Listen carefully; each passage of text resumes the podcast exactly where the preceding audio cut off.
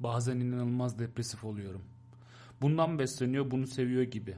Damarlarımda Ural Altay dağlarından gelip kavimleri kaktıran atalarımın depresifliğini hissediyorum. Her şeye sataşasım geliyor. Üç kuruş vermeyeyim ama gözümde kalmasın diye bakkalın gazete tezgahlarında tüm gazetelerin manşetlerine baktıktan sonra gazeteleri paramparça edip dönüp arkamı gitmek istiyorum. Sonra aklıma hastanenin orta yerine sıçıp hiçbir şey olmamış gibi giden yaşlı teyze geliyor. Kameralara falan yakalanırız durduk yere. Gazete sapığı da olmayalım yani. Zaten tüm coğrafya sapık haberleriyle kopuyor. Şerefsizler kızlardan daha çok benim ruh halimi bozdu. Milletin arkasından yürüyemez oldum. Kaldırım değiştirmekten bir hal oluyorum. MP3 dinlesem bir dert, dinlemesem bir dert. Boşluğa bakmak, vitrine bakmak, uzaklara dalmak bipolarcaya bağladı artık.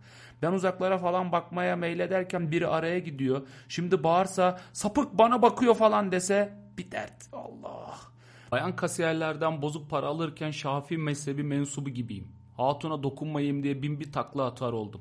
Kız desem bir dert, hatun desem bir dert, bayan desem kikomançı mı oluyorduk? Hele bir de beyaz çorap giyerken bayan desem iyice sıçar mıyım? Aa, hiç bilmiyorum, hiç hiç hiç.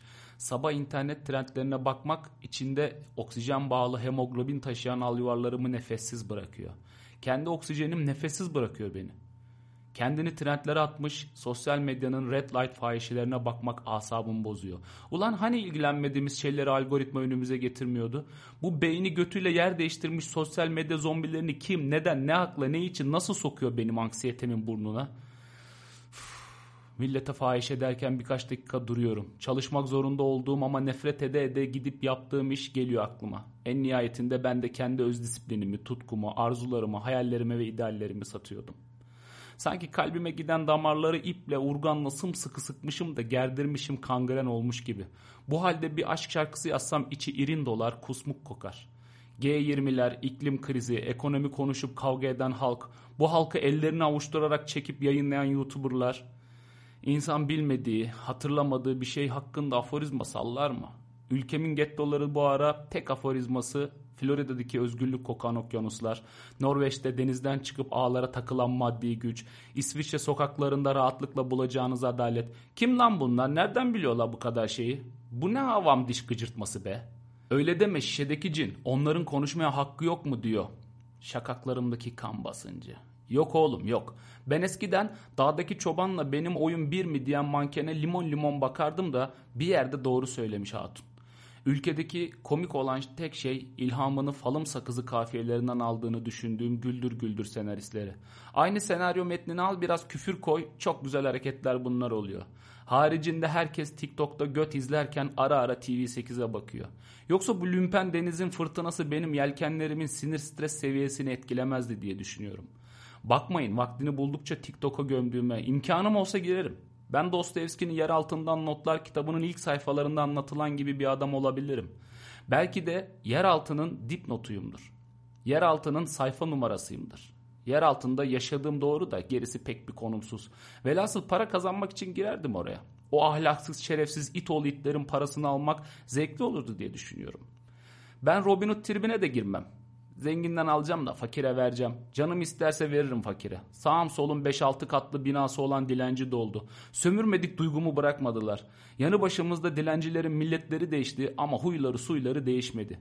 6 yaşındaki çocuk soruyor. Gerçekten de like vermesem bu kanal kapanır mı? Lütfen kapanmasın ben en çok like'ı vereceğim.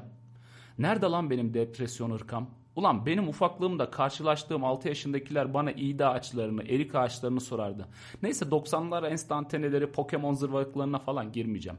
Şimdi durduk yere büfe bakınıyorum. Baş ağrımı alır mı büfedeki aspirinler? Nöbetçi eczane nerede ki? Keşke annemi dinleyip falanca tanıdığın filanca köyünden gelen pekmezden ben de sipariş verseydim. Kansızlık mı var lan bende acaba? Şu tribe bak, şu hale bak. Coğrafyanın 10 yaşındaki çocukları neler neler biliyor. Seçim barajı, hegemonya çeşitleri, petrol dolar ilişkisi, Don Jones borsasından sıçrayan mermiler, tank paletlerinin geride bıraktığı çamur izleri, pazarda yerde toplanan çürük meyveler, sebzeler, çivisi çıkmış dünya düzeninin üzerimde bıraktığı tüm sosyal bozukluk sendromlarına olan asabiyetim acaba tanrısal bir bakış açısına sitem mi ki?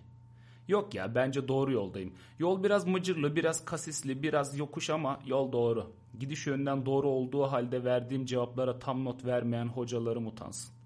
Utanmak sen ne güzel bir duygusun.